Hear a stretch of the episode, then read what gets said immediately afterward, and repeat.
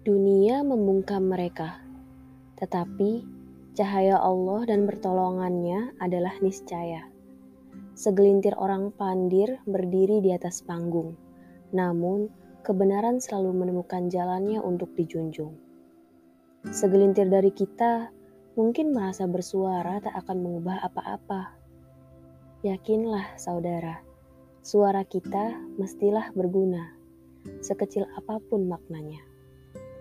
Tahukah kita bahwa saat kekasih Allah, Ibrahim alaihissalam dibakar api setinggi istana, ada semut yang berusaha membawa tetesan air untuk memadamkannya. Air itu mungkin tak berguna untuk memadamkan api setinggi istana.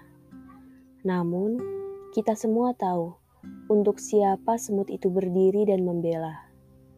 Sekecil apa pun kebaikan yang kita tanam, yang kita sebarkan, yang kita semaikan, akan memiliki nilai yang berarti suatu saat nanti.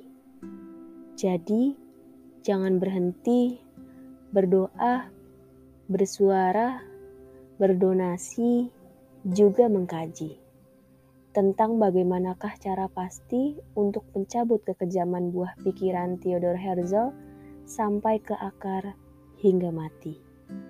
Kita semua tahu kalimat kuncinya. Islam sungguh solusinya.